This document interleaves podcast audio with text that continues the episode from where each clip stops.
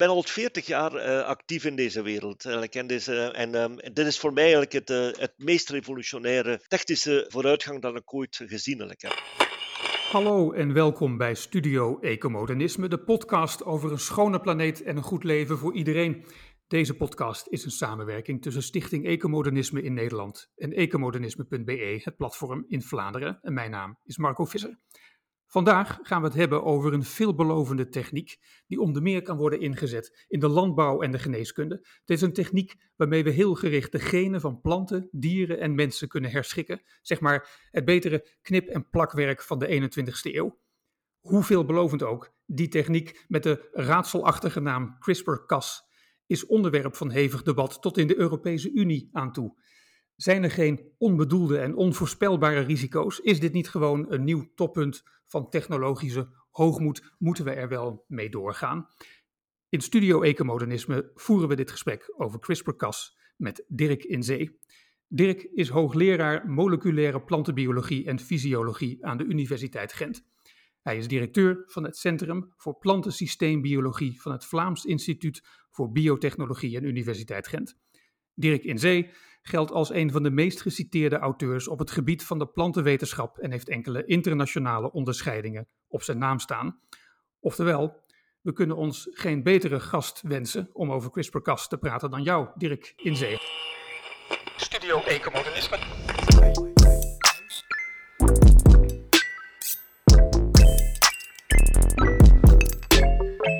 Dirk in Zee, hartelijk welkom. Ja, dank u wel. Stel, Dirk, je bent op een straatfeestje, het is een barbecue, uh, aan de praat met de nieuwe buren. Uh, het zijn hele aardige mensen. Ze zijn wel geïnteresseerd in wat je doet, maar ze zijn geen moleculair biologen en ze hebben ook niet de hele avond de tijd. Hoe leg je uit wat CRISPR-Cas is? Wel, dat is inderdaad een zeer goede vraag. Het is een uh, vrij complexe techniek om uh, uit te leggen. En, um, maar we moeten het misschien zien vanuit een, uh, een grote perspectief. In feite, ehm, al 10.000 jaar, um, sinds de mensen zijn gaan samenwonen en ter plaatse bleven, zijn ze aan landbouw begonnen. En ze hebben plaatselijke gewassen, wortelgewassen bijvoorbeeld, graan, graan, grassen, zijn ze beginnen te groeien. En geleidelijk aan heeft men uh, betere rassen beginnen te selecteren. Uh, u moet weten dat uh, planten, hè, dan, zoals wij ook mensen, zoals alle levende organismen, die hebben een genetische code, noemt men dat. Dat is een mm-hmm. soort van blauwdruk waarin staat wat dat organisme gaat worden, hoe dat het eruit gaat zien enzovoort. En dus in feite, die blauwdruk die kan men dus verbeteren. En men kan dat doen door te gaan kijken in een grote populaties, een groot veld bijvoorbeeld, en kijken, ah, die plant doet het er beter en uh, die maakt meer zaden, die maakt meer opbrengst. En dat komt omdat daar in die plant uh, wijzigingen zijn aangebracht in die genetische code. En we noemen dat uh, met die vreselijke woord mutaties, eigenlijk. maar dat zijn in feite wijzigingen, kleine wijzigingen in de genetische code. En dat gebeurt van nature met een, uh, met een zeer uh, lage uh, frequentie, maar het gebeurt. Hè. Dat gebeurt ook mm. bij ons. Hey, wij krijgen bijvoorbeeld bepaalde erfelijke ziekten, zijn het gevolg van mutaties die opgetreden zijn. Hè. bepaalde kankers zijn het gevolg eigenlijk in feite van mutaties in onze genetische code. Nu, ja. uh, nu uh, om verbeterde gewassen te maken, kun je inderdaad wachten hè, tot als de, die mutaties optreden per toeval die uw plant beter maken. En dat, is dus een, ja, een, dat gebeurt met een zeer lage efficiëntie. En in feite, wat het CRISPR-Cas nu is, eigenlijk is een methode om die, die mutaties aan te brengen. Zeer efficiënt, zeer goedkoop, relatief, relatief zeer goedkoop. En uh, ook met een zeer hoge precisie in gelijk welk stukje erfelijke informatie uh, die we wensen te veranderen. Ik ga straks een aantal voorbeelden geven wat men er allemaal kan mee doen. Maar het is in feite, um, het is een, in plaats van te wachten, te zoeken totdat je de mutatie uh, per toeval gaat ja. krijgen die je, die je wenst, gaat je nu dat zeer gerichtelijk gaan, uh, gaan doen. Maar, maar dit is dan toch, uh, de buren kunnen dit aanhoren en dan denken, ja, maar dit is toch niets nieuws onder de zon. Niet alleen is dit een heel natuurlijk proces dat al heel lang speelt, maar we hebben toch ook genetische modificatie, wat modernere variant. Waarin is CRISPR-Cas anders van de gewone genetische modificatie die we kennen? Ja, de genetische modificatie, dus de GMO's, zoals iedereen ze kent, is niets anders dan men een stuk uh, erfelijke informatie uh, van een andere plant, maar ook van een ander organisme, van een bacterie bijvoorbeeld, gaat uh, nemen. En men gaat dit, die informatie in gaan bouwen in de genetische informatie van de plant die je dus wilt verbeteren. Hè. Dus het is nu zo dat er zowat ongeveer 80, 90 procent van alle mais en alle sojabonen die in de wereld gegroeid worden, zijn allemaal genetisch gemodificeerd. Bijvoorbeeld daarvoor uh, insectresistentie, uh, zodat je geen insecticiden meer moet gebruiken, maar ook voor het uh, meer controversiële het herbicide-resistentie enzovoort. Dus, maar met genetische modificatie voert je een stuk vreemd DNA in die plant binnen. Een, een, een stuk DNA mm. dat die plant nog nooit eerder gezien heeft. Nu, met, met CRISPR-Cas is eigenlijk is dat niet het geval. Gaat men de erfelijke informatie van de plant zelf gaan wijzigen. In feite kun je na dat proces, het is een moleculair proces, na het proces dat in het laboratorium uh, gebeurt, kun je, je die, die plant bekomen met CRISPR-Cas niet gaan onderscheiden van een plant die bekomen is op natuurlijke wijze. Alleen, alleen is het uh, veel efficiënter. Het is, dus um, het is een methode om genetische wijzigingen aan te brengen, heel specifiek genetische wijzigingen die ook in de natuur kunnen plaatsgrijpen. Alleen controleert je dat proces niet en dan moet je veel langer eh, zoeken en veel, met uh, jarenlang zoeken voordat je de juiste combinatie van, uh, van mutaties eigenlijk hebt die je gewascellen verbeteren. Ja, juist. Het, het is veel preciezer uiteindelijk dan alles wat we hiervoor hebben gedaan. Dat, dat is correct eigenlijk. En, en uh, men moet ook weten dat men nu, uh, sinds ja, uh, de jaren zeventig, in dat men, is er wereldwijd zeer veel studiewerk gedaan over genen van planten. Men kent dus de functie van zeer veel genen van planten. Men kent ook de genen die bijdragen tot opbrengstverhoging. Eigenlijk. Die, die maakt dat je in feite voldoende voedsel kunt produceren voor de mensheid. Die ook bijdragen aan ziekteresistentie enzovoort. Dus men kent allemaal die genen En dat is nu met die methode, kun je nu specifiek gaan, die genen gaan verbeteren. Je kunt een beetje uh, meer van dat gen uh, laten, uh, genproduct laten produceren. Je kunt sommige genen uitschakelen enzovoort. En dat heeft een dat heeft ongelooflijke toepassingen hè, die, voor plantenveredeling, hè, de feiten om de voedselproductie op peil te houden en dergelijke. Ja, en nu is deze techniek veel bejubeld in, in bepaalde kringen. Um, Waarom kan deze techniek zo belangrijk zijn? Wat zijn de toepassingen waar we nu aan moeten denken? Ja, kijk, uh, omdat het, het, het proces uh, van veredeling is een zeer traag proces. En uh, dat kan dus dat kan tientallen jaren duren voordat je dus de plant gevonden hebt die het eigenlijk beter doet dan wat er tot nu toe in het veld eigenlijk is. Ehm, een voorbeeld is aardappel. Hè. Dat is, dus men is al sinds de jaren 50 van de vorige eeuw is men bezig met aardappelen te selecteren door klassieke veredeling, uh, die resistent zijn aan Phytophthora. Dat is, Phytophthora is de schimmel dat uh, de aardappel, die aardappel in feite kapot maakt. Als je boeren moeten nu nog altijd in Nederland, in, in, in, België, tot 15, 16 keren spuiten met schimmelwerende middelen, yes. anders heb je geen aardappel. Dus dat is echt een, een enorme, enorm probleem. Um, dus men is al sinds de jaren 50 bezig om die, de aardappel te, te veredelen. En uh, men heeft nu, uh, vrij recent, een aantal jaren terug, heeft men wel degelijk resistente aardappelen kunnen bekomen. Dus na ongeveer 40, 50 jaar veredelen.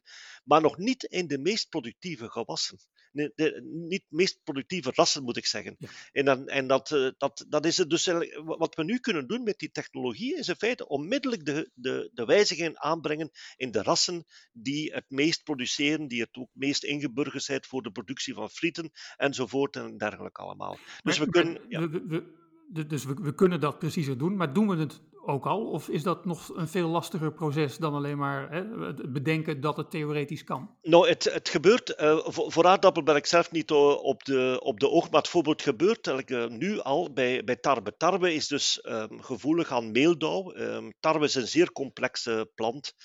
Dat is, bevat dus in feite, allez, een beetje technisch eigenlijk, dus uh, drie kopijen van grote uh, stukken erfelijke informatie in feite.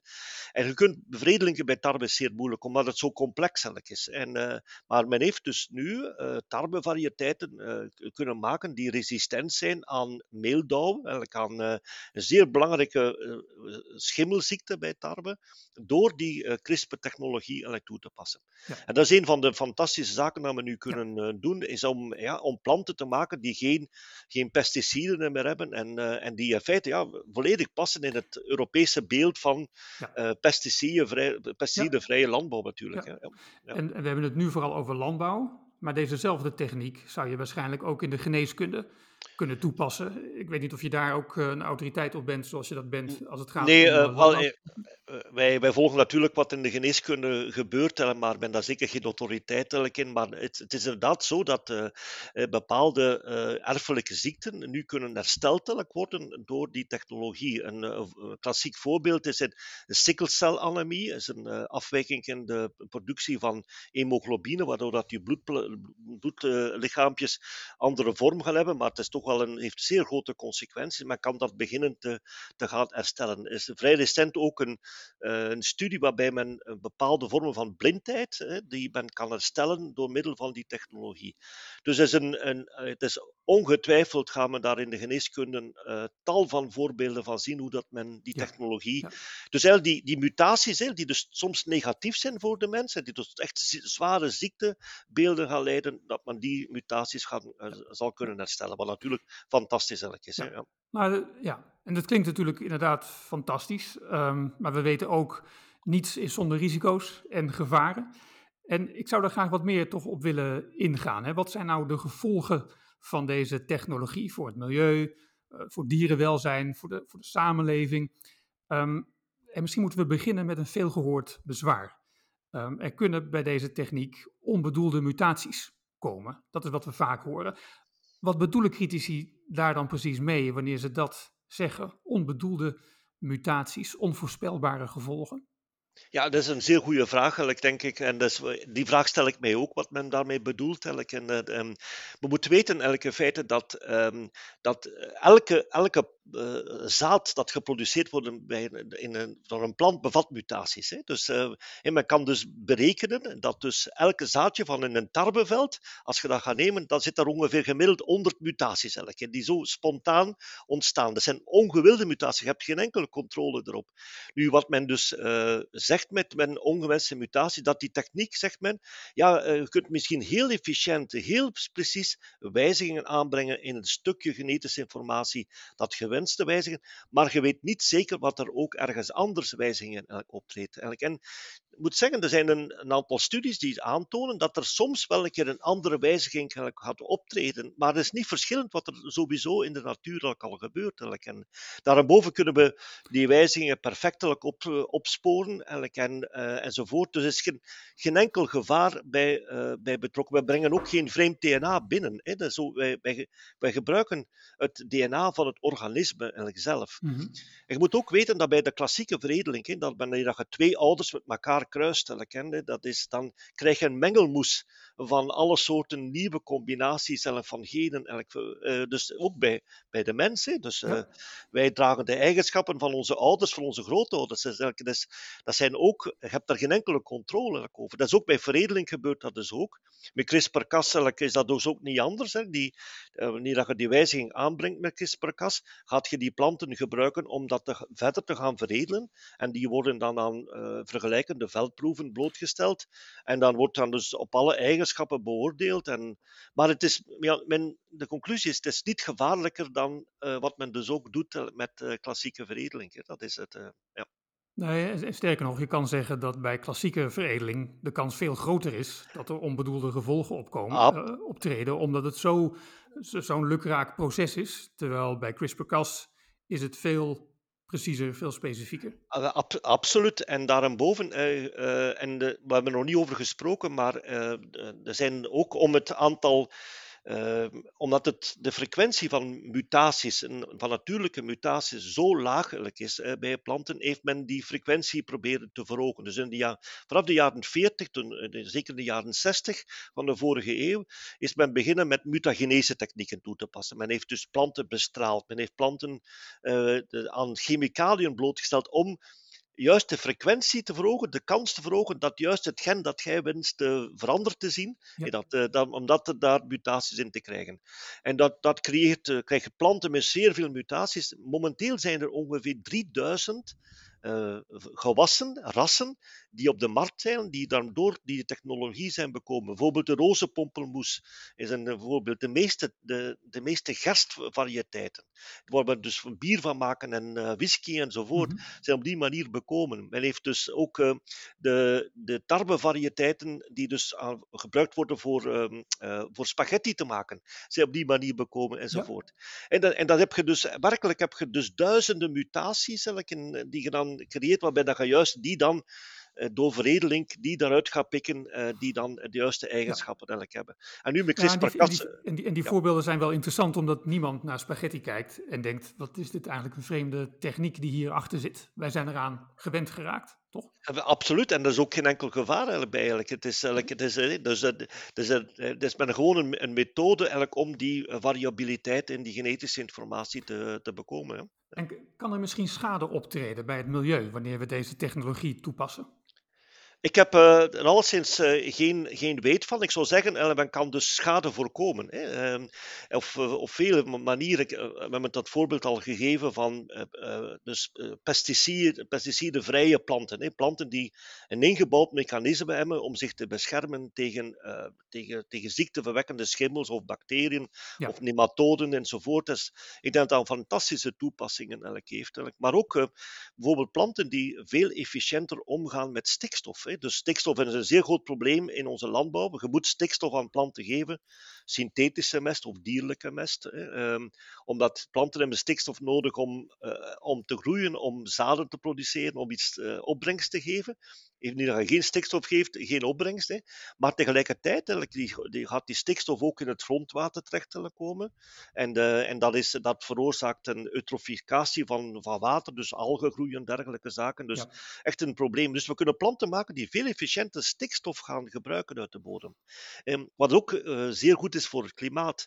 Uh, dus het is zo dat nu het gebruik van stikstofbemesting heeft een groot neveneffect, is dat je dus uh, lachgas produceert. Dus lachgas, dus die stikstof ja. en 300 keer zo sterk als, als de fameuze CO2. Ja. Dus en, en dat zijn dus bacteriën in de bodem die die stikstof gaan omzetten eigenlijk in, in lachgas. Eigenlijk. En, dus als je natuurlijk planten die veel efficiënter met die stikstof kan omgaan, kun je dus die vrijstelling van dat lachgas dus gaan verminderen. En dat heeft een zeer positief effect op het milieu. Ja. Ja, maar is het misschien zo dat deze techniek vooral werkt in, in monoculturen? In hele grote velden met, met allemaal dezelfde gewassen, omdat dat de beste omgeving is waarin deze techniek uh, kan worden toegepast. Is dat misschien uh, het verhaal? Het, uh, dat is het, uh, de grote kritiek geweest en waarschijnlijk ook terechtelijk op GMO, dat de techniek zo duur is uh, dat, en dat alleen maar grote bedrijven dat konden toepassen ja. voor zeer grote gewassen. En typisch het Amerikaans landbouwmodel, waarbij dat je dus werkelijk ja, tientallen kilometers kunt rijden en allemaal hetzelfde, dezelfde maisvariëteit ja. zitten. Als je naar Iowa gaat eigenlijk, enzovoort. Nu, deze methode van CRISPR is in feite veel goedkoper, veel efficiënter eigenlijk, en, en ook um, veel gerichter. En dat laat toe eigenlijk in feite om ja, de, de, deze techniek toe te passen om ook op kleine gewassen, op meer, meerdere rassen, eigenlijk, zodat je dus die diversiteit, die dus toch typisch is eigenlijk voor de Europese landbouw, kunt bewaren.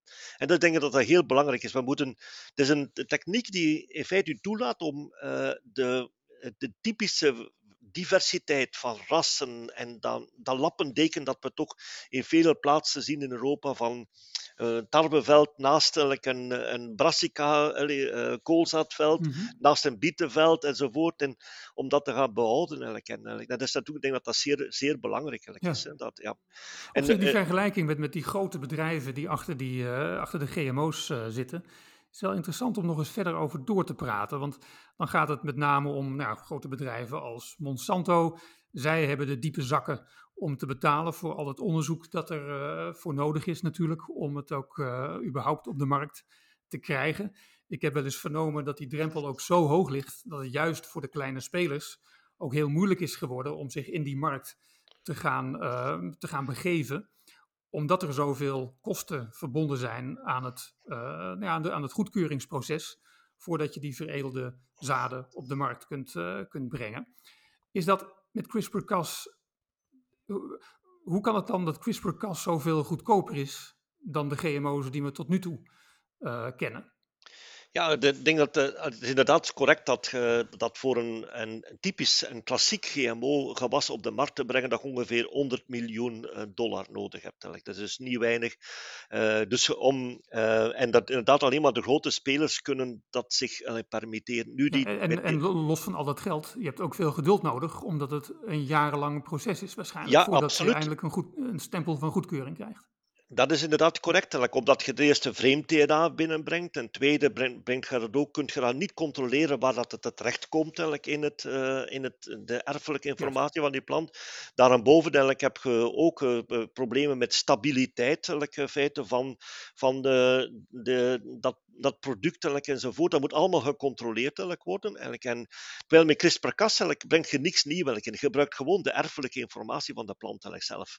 En dat is denk ik de, de grote uh, game changer in feite. Dat je, het is eigenlijk in feite, wij noemen het precisieveredeling. Het is een manier, het is precies zoals veredeling. Het is eigenlijk alleen veel efficiënter en veel goedkoper en veel gerichter. En, dus, eh, en het eindproduct hè, dat je krijgt, kun je niet onderscheiden als je niet, als je niet zegt, kijk, dat is bekomen door, uh, door CRISPR-Cas mhm. of dat is bekomen door klassieke veredeling. Er is geen enkele methode die je toelaat om dat onderscheid te gaan maken.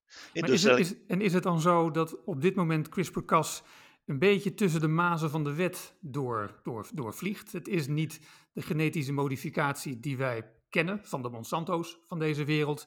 Het is iets anders. En daardoor is CRISPR-Cas kennelijk kan het snel en kan het goedkoper. Moet ik het zo zien? Ja, dat, dat, dat klopt eigenlijk. En, uh, en dus uh, uh, overal ter wereld ziet je dat nu dat die CRISPR-Cas-producten op de markt beginnen te komen. Eigenlijk. Dat, um, en dat gaat te ver hoor.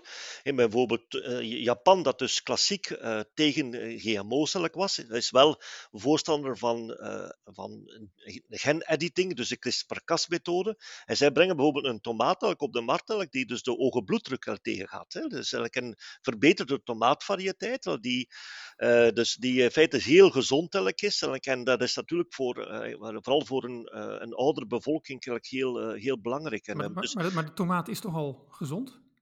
Ja, maar die is nog gezonder. Ah, het is, ja, die, bevat, die bevat een iets hogere concentratie van een stof waarvan men dus weet, die, zit er, die stof zit er van nature al in, een stof die men, van men weet dat ze dus bloeddruk verlaagt. En dat is eigenlijk, en uh, dat wordt niet op de markt gebracht, maar, maar een van de voorbeelden te, te geven hoor.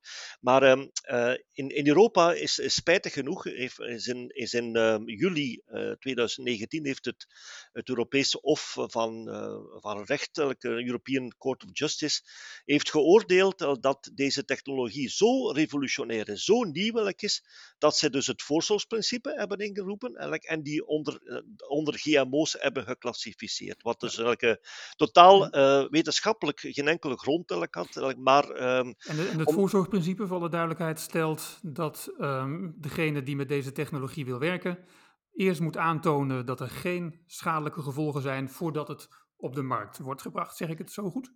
Dat, eh, dat klopt eigenlijk. En dat is natuurlijk een, eh, een, dat is een bewijs in het ongerijmde. Want je kunt zeggen: oké, we zien dus nu geen effect in de, met dit experiment. En we hebben dat aan dieren gegeven, zien geen effect. Maar dan gaat iemand zeggen: ja, misschien niet in deze generatie, maar misschien in de volgende generatie of de volgende generatie.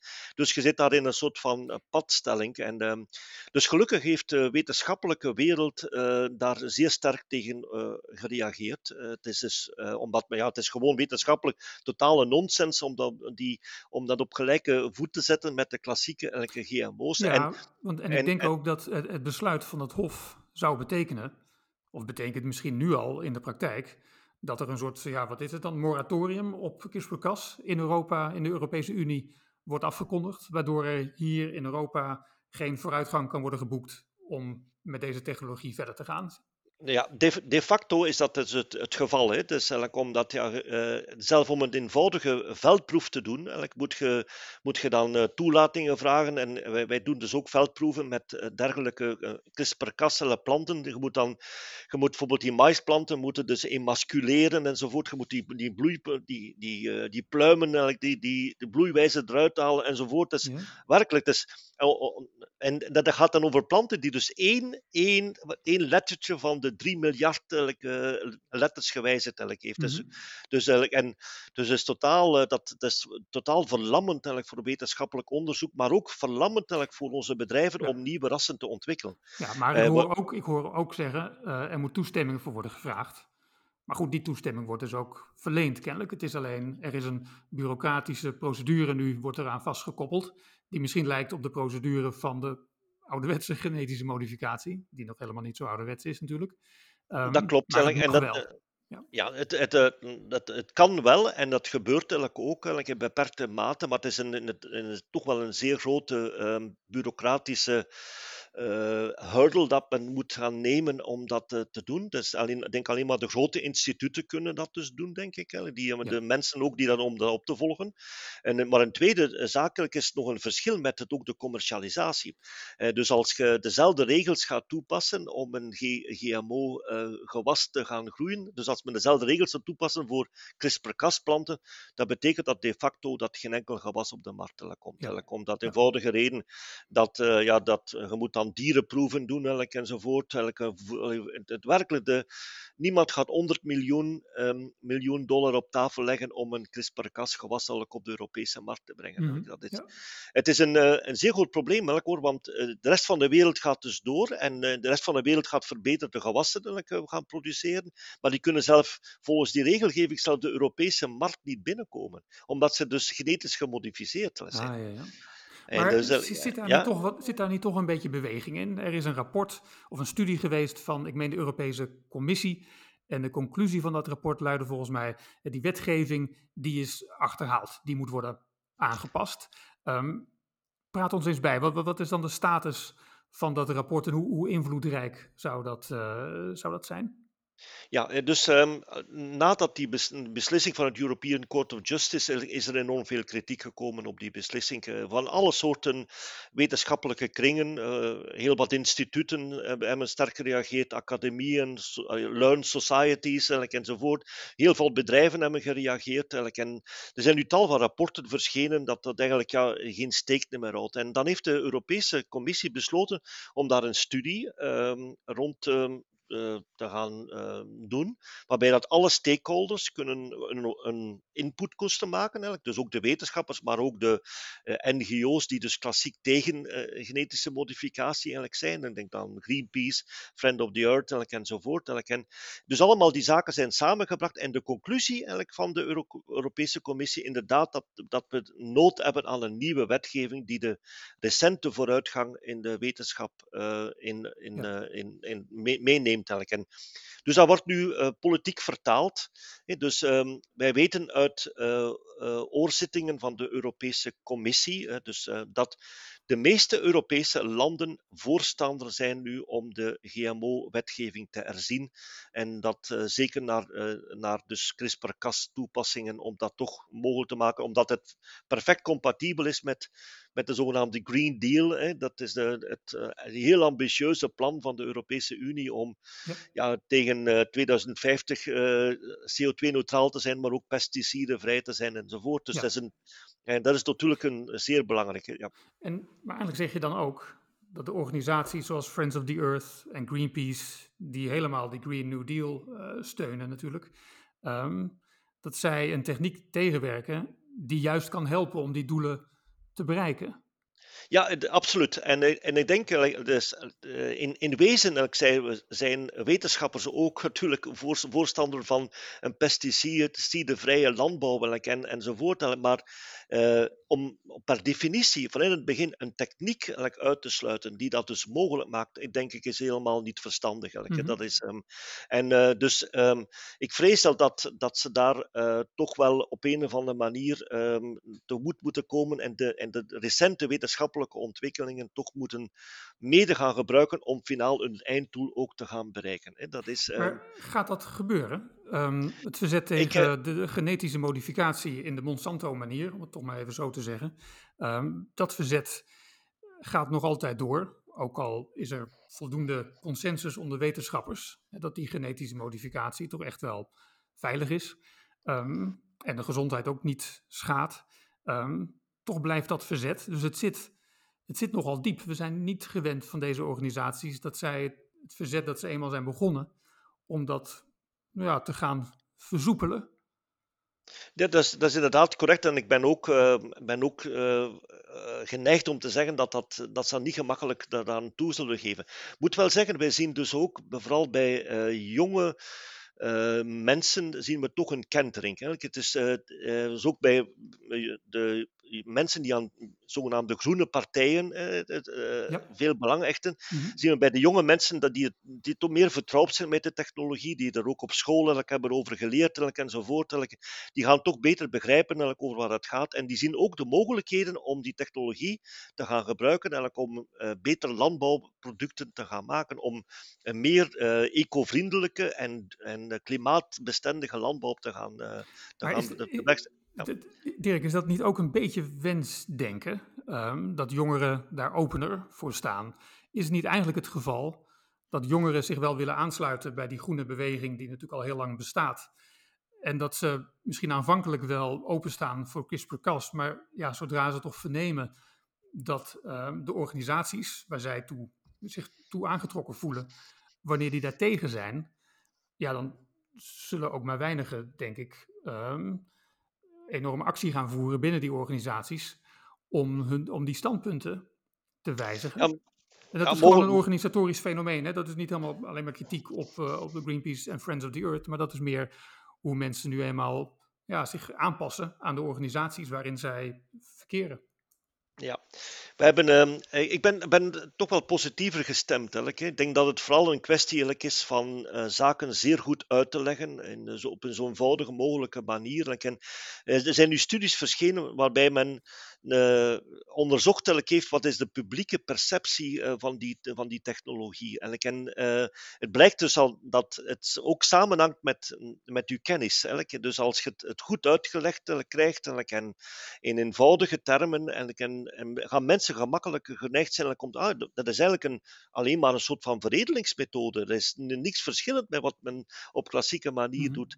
Ook, um, ook ik denk dat, dat, dat daar een, echt een, een, een bewustmaking proces moet komen. En dat ook regeringen in feite en de Europese Unie daar een zeer belangrijke taak hebben om mensen uit te leggen dat juist deze technologie in feite uh, ook toelaat om de doelstellingen van de Europese Unie te, te mm -hmm. halen. Hè. En dat, um, ik denk dat dat heel, uh, heel gezond is. Um, we gaan natuurlijk zeker niet iedereen elk overtuigen. En, uh, en, maar ja, um, het blijkt toch dat het zeker op Europees niveau dat er toch de laatste maanden een kentering kan komen mm. is. Vroeger was het onbes onbespreekbaar, nu is het toch ook mede door een rapport dat van een jaar uh, verschenen is. Er zitten toch duidelijke openingen die gecreëerd worden om toch deze technologie ook in te sluiten in het pakket dat uh, mede gaat toelaten om de Green Deal te realiseren. Ja, ja, want bij de Green Deal denken we vooral aan biologische landbouw circulaire landbouw, kringlooplandbouw. Uh, er is die farm-to-fork strategie. Uh, veel lokale productie ook, kleinschalig. Um, en je zegt eigenlijk dat CRISPR-Cas daar uitstekend een rol binnen kan spelen. terwijl, absoluut. Terwijl de perceptie misschien is dat CRISPR-Cas, dat is genetische modificatie, dat, dat, dat is industrieel, dat is grootschalig, het is conventioneel. Nee, ik denk dat het juist dat CRISPR-Cas toelaat om, uh, om ook uh, die, die, die diversiteit die we dus eigenlijk toch wel nodig hebben in onze landbouw, welke maakt onze landbouw ook zo interessant. Mm -hmm. Dan denk die verschillende rassen die we allemaal hebben enzovoort, en allee, die, uh, die dus echt ook de kwaliteit van, van onze voeding gaan bepalen. Het, het laat toe om ook, ook die gewassen elke feite zodanig te veredelen en zodanig te verbeteren, mm -hmm. dat ze dus ook elke feite ja, blijven productief zijn en tegelijkertijd geen, geen pesticiden meer nodig nodig hebben enzovoort. En je moet ook weten dat voor sommige gewassen is het niet mogelijk om zaken te veredelen. Ik ga je een voorbeeld geven. Hè. Dat is een, de druiven. Hè. Dat is het, je kent allemaal de verschillende druivensoorten. Mm -hmm. Merlot, Sangiovese enzovoort. Je kunt dat niet veredelen, omdat je dat gaat, als je dat begint te kruisen, dan krijg je een ander smakenpalet. Dus je kunt geen uh, Sangiovese, als je die kruist met een Merlot, krijg je iets anders dat dus maar is de eigenschappen van de Sangiovese-druif. Maar met CRISPR-Cas kan men dat allemaal doen. men, kan, ook, ehm, men kan bijvoorbeeld planten maken die dus ziektetolerant zijn, zodat je geen kopersulfaten meer moet spuiten en, en, dus en dergelijke. Dus allemaal mogelijk om dat, om dat te bewerkstelligen. Dus mm bijzonder veel mogelijkheden. En ehm, ja, het is een kwestie van, van nu, denk ik, ja, politici, mensen, maar ook milieuorganisaties ervan te overtuigen dat dit ook wel enorme troeven biedt uh, voor uh, duurzame landbouw. Ja, ja, ja. Ik vraag me toch af, hè, als we toch een slag dieper willen, willen gaan hier, waar komt nou die argwaan vandaan tegen zo'n nieuwe technologie? En dan heb ik het niet alleen over de argwaan die wordt geuit door mensen van Greenpeace en, en Friends of the Earth, maar ook de argwaan die bij nou ja, de buren op, uh, op een straatfeestje, hè, bij, de, barbecue zeg maar, toch ook ergens in het achterhoofd zal zitten. Oeh, dit is, dit is toch een beetje spannend. We zitten hier aan, aan, aan zaden, aan, aan, aan wat de natuur ons, ons gegeven heeft. Gaat dat wel goed? Hoe, hoe krijg je die argwaan uh, weg? Krijg je die argwaan überhaupt ooit weg? Ja, ja, wel een goede vraag hoor. Ik denk natuurlijk met, met het eh, hele GMO-verhaal is, is zodanig geframed geweest door uh, bepaalde organisaties dat het dus eigenlijk ja, uh, gevaarlijk was. In de, we hebben allemaal de, de beelden gezien, bijvoorbeeld die Greenpeace met uh, bijvoorbeeld een, een maiskolf met een, een, granaat daaronder bijvoorbeeld. Ah, ja. Of die, die tomaten waar dat een blauwe kleurstof in gespoten wordt, ja. totaal, totaal uit de lucht gegrepen. Maar dat is? Dus de, de ja, voilà, Frankenstein. Ja. Ja, absoluut. Elk. En, en, eh, en, en eh, dat heeft men, je hebt daar dus een beeldvorming van gekregen. Elke feiten die uh, ja, de afschuw afwekt, elk, uh, oproept. En, en dat, dat is bij de mensen zeker blijven hangen. Dus men, dit met die CRISPR-Cas moet je eerder zien als een veredelingsmethode. Dus mensen eten dagelijks veredelde, veredelde uh, nieuwe zaden die op de markt komen enzovoort. Elk. Dus alleen, alleen, en daar moet je ze van overtuigen dat het dus het is, het is anders dan de klassieke GMO uh, zaken die we dus willen kennen. Mm -hmm. En dus en, dat moet op de juiste manier kan, dus aan, aan mensen verteld worden, denk ik, om, om die kentering misschien mogelijk te maken. Ja. ja. en waarschijnlijk benadrukken dat deze techniek juist samen kan gaan met de doelstellingen voor biologische landbouw. Is, toch? Ja. Ja, absoluut. Het is, een, het, is een, eh, het, is, het is niet zo dat je. Biologische landbouw heeft eh, zeker en vast ook zijn waarden, zonder enige twijfel. Maar er zijn ook heel wat problemen met biologische landbouw. Bijvoorbeeld, bestrijding van ziektes is een probleem. Dus ehm, een aantal eh, landen gebruiken bijvoorbeeld kopersulfaten, zo dat blauwe poeder, is ook heel toxisch voor het milieu enzovoort. Dus maar die problemen is, kunnen. Maar dat is toegestaan binnen de biologische landbouw? Binnen de landbouw. Of men gaat bijvoorbeeld nicotine-extracten gaan gebruiken zeepen gaan gebruiken enzovoort en, eh, en dergelijke. Dus, elke, dus, dat, zijn dus, uh, uh, dat zijn dus zaken die toegestaan zijn in die biologische landbouw, maar die ook helemaal niet goed zijn voor het milieu, die zelfs toxisch zijn. En ze zijn, en maar, ze zijn maar ze zijn toegestaan en worden toegepast in de biologische landbouw, omdat kopersulfaat en die, en die zeepen waar je het over hebt, omdat die natuurlijk zijn. Die zijn niet... Natuurlijk zijn, maar ja, maar de natuur zit vol, eh, vol giften natuurlijk. Hè. Dat is, ja. dat zijn, en dus het is niet omdat iets in, in de natuur voorkomt, dat het dus niet, geen kwaadelijk kan. Dus het is zeker zo dat daar ook heel wat problemen zijn. Dus men heeft berekend uh, dat, um, de, uh, dat je ongeveer de dubbele hoeveelheid uh, land nodig hebt om dezelfde hoeveelheid te produceren via biologische landbouw dan via dan vergelijk met, met conventionele landbouw. Ja. Dus met andere woorden, als je dus de mensen wil voeden, dan moet je uh, twee keer zoveel landelijk hebben. En dat is natuurlijk ook geen goede zaak voor het milieu. Hè. Wij, zijn dus zelf voorstander van een oogproductieve landbouw, geen pesticiden, uh, zo weinig mogelijke input van, van water, van meststoffen enzovoort, omdat de plant er efficiënter kan mee omgaan. Mm -hmm. Maar een oogproductiviteit, zodat we de, zo weinig mogelijk landbouwgebied nodig hebben om voedsel te produceren voor iedereen. En tegelijkertijd de, de land dan vrijkomt, kun je misschien opnieuw bossen eh, aanplanten om CO2 uit te vangen. Kun je misschien uh, natuurreservaten bouwen en dergelijke. Om op die manier de, onze planeet toch wat te herstellen en misschien ook een soort van tegengewicht te geven uh, tegen de, de klimaatopwarming. Mm -hmm. Dus een, ik denk dat we dus echt die twee uh, perfect te combineren zijn. Dus biologische landbouw organische landbouw met uh, deze technologie verbetert de zaden. Die dus eigenlijk, het is een perfecte combinatie, denk ik, die, uh, die dus ja, Europa toch wel in, de, in de een voorsprong gaan geven in die duurzaamheidsdiscussie. Mm -hmm. Ja, ja, ja. Um, wij spreken elkaar terwijl um, de coronapandemie nog niet is verdwenen, maar er wel steeds meer mensen gelukkig gevaccineerd worden. Um, Gentech lijkt in die strijd tegen het coronavirus uh, een, belangrijke rol te spelen. Het ligt natuurlijk aan de basis van die vaccins. Um, zou, zou dit toch een kentering kunnen betekenen voor de perceptie rondom ja, genetische modificatie, CRISPR-Cas, ik hoop het. Uh, ik hoop het. Uh, dat, dat is ook inderdaad, er is al een aantal keren in de pers gekomen, dat inderdaad de moleculaire biologie, biotechnologie, genetische modificatie is natuurlijk van reuze belang geweest in de strijd tegen de COVID-19. Het is werkelijk, het is vroeger uh, duurde het ongeveer tien jaar om, om, een, om een vaccin te maken. Eigenlijk nu heeft men dat in een recordtijd gedaan. Het is eigenlijk ongelooflijk. Uh, bijna, bijna minder dan een jaar voordat er nieuwe vaccins van die zeer effectief zijn binnen een totaal nieuwe technologie. Allemaal gebaseerd op moleculaire biologie. Ja. Dus er zit zeer veel, in technologie zit dus zeer veel kracht, zeer veel mogelijkheden.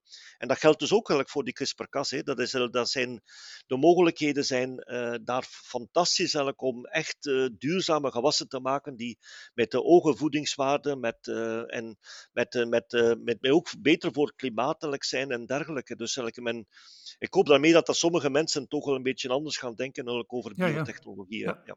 Hebben we het hier over een, een, wondermiddel? Als ik zo in je ogen kijk, ook, zie ik die ogen helemaal stralen als het over deze techniek uh, gaat. Allee, gaan we hier alle rekeningen van verwachten? Wel, ik, ik, ben, ik ben al 40 jaar uh, actief in deze wereld. Eigenlijk. En, deze, en um, dit is voor mij eigenlijk het, uh, het meest revolutionaire technische vooruitgang dat ik ooit gezien heb. Hè. Dat is, um, um, ik denk, er waren, waren, voorheen waren er wel methodes eigenlijk om DNA plaatsspecifiek uh, te gaan wijzigen enzovoort, maar die waren zeer omslachtig, uh, zeer duur, moeilijk om dat te doen. En deze, deze technologie maakt het in allemaal bijzonder eenvoudig, met ogen efficiëntie.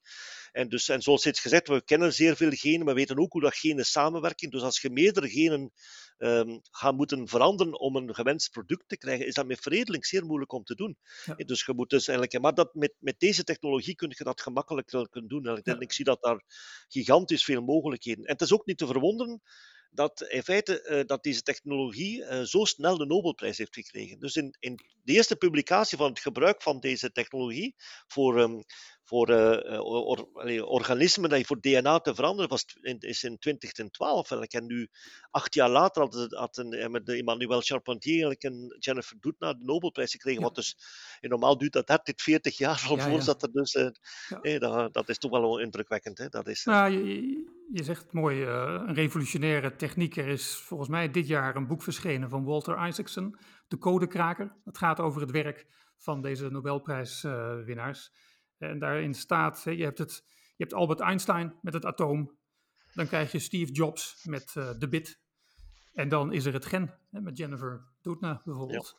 Zo revolutionair ja. moeten, we, moeten we dit zien. Ik denk dat het inderdaad op hetzelfde niveau kan geplaatst worden. En we gaan daar nog zeer veel zaken uh, van zien. En uh, vandaar dat het ook heel belangrijk is voor de Europese Unie om toch uh, die regelgeving, die dus dateert in feite van de jaren tachtig, toen alles nog uh, zeer mysterieus was, om die regelgeving toch een keer te zien en aan te passen aan de, de, de, gangbare wetenschappelijke kennis. We zien datzelfde gebeuren in de, in de rest van de wereld. Hè, zowat de, de legislatie legislatie, de wetgeving is al aangepast in Noord- en Zuid-Amerika, uh, Australië, Japan en, en alleen Europa is een, en Europa en Nieuw-Zeeland moet ik zeggen, dat zijn de twee eilanden waarbij er mhm. nog altijd uh, de, ja, een soort van wetgeving bestaat van ja, het, uh, het mag niet, het kan niet enzovoort. Ja. En helemaal geen rekening houden met, uh, met de recente wetenschappelijke inzichten. Wat kunnen we eraan doen om, om, om daar enige invloed op uit te oefenen? Op de beslissing die in Europa zal vallen hierover? Ik, denk, uh, ik, denk, ik denk dat het belangrijk is om uh, op een positieve manier in, de, in de pers te blijven, te blijven om de, op een positieve manier de voorbeelden te, te benoemen wat de technologie kan. Um, en um, het heeft geen enkel zin, in, in mijn opinie, om, om daar een soort van gevecht aan te, te gaan met, met de, de NGO's die tegen zijn. Zijn zeer, zoals steeds gezegd, ze zijn waarschijnlijk zeer moeilijk te overtuigen. Maar ik denk dat de, de burger in feite op een, uh, op een positieve manier kan beïnvloed worden. Eigenlijk om te zeggen, kijk, dat zijn nieuwe ontwikkelingen. En, uh, bijvoorbeeld, men heeft nu in de Verenigde Staten, is men nu, door middel van die technologie, heeft men nu een aardappel op de markt gebracht die bij het, uh, bij het maken van frieten veel minder acrylamide maakt. Acrylamide, we weten, de meeste mensen weten dat niet, maar als je frieten bakt, dan heb je, dan maak acrylamide, dat is een vrij, toxische product enzovoort. Maar je kunt dus nu aardappelen variëteiten maken die dat dus, uh, waar je frieten veel gezonder zijn.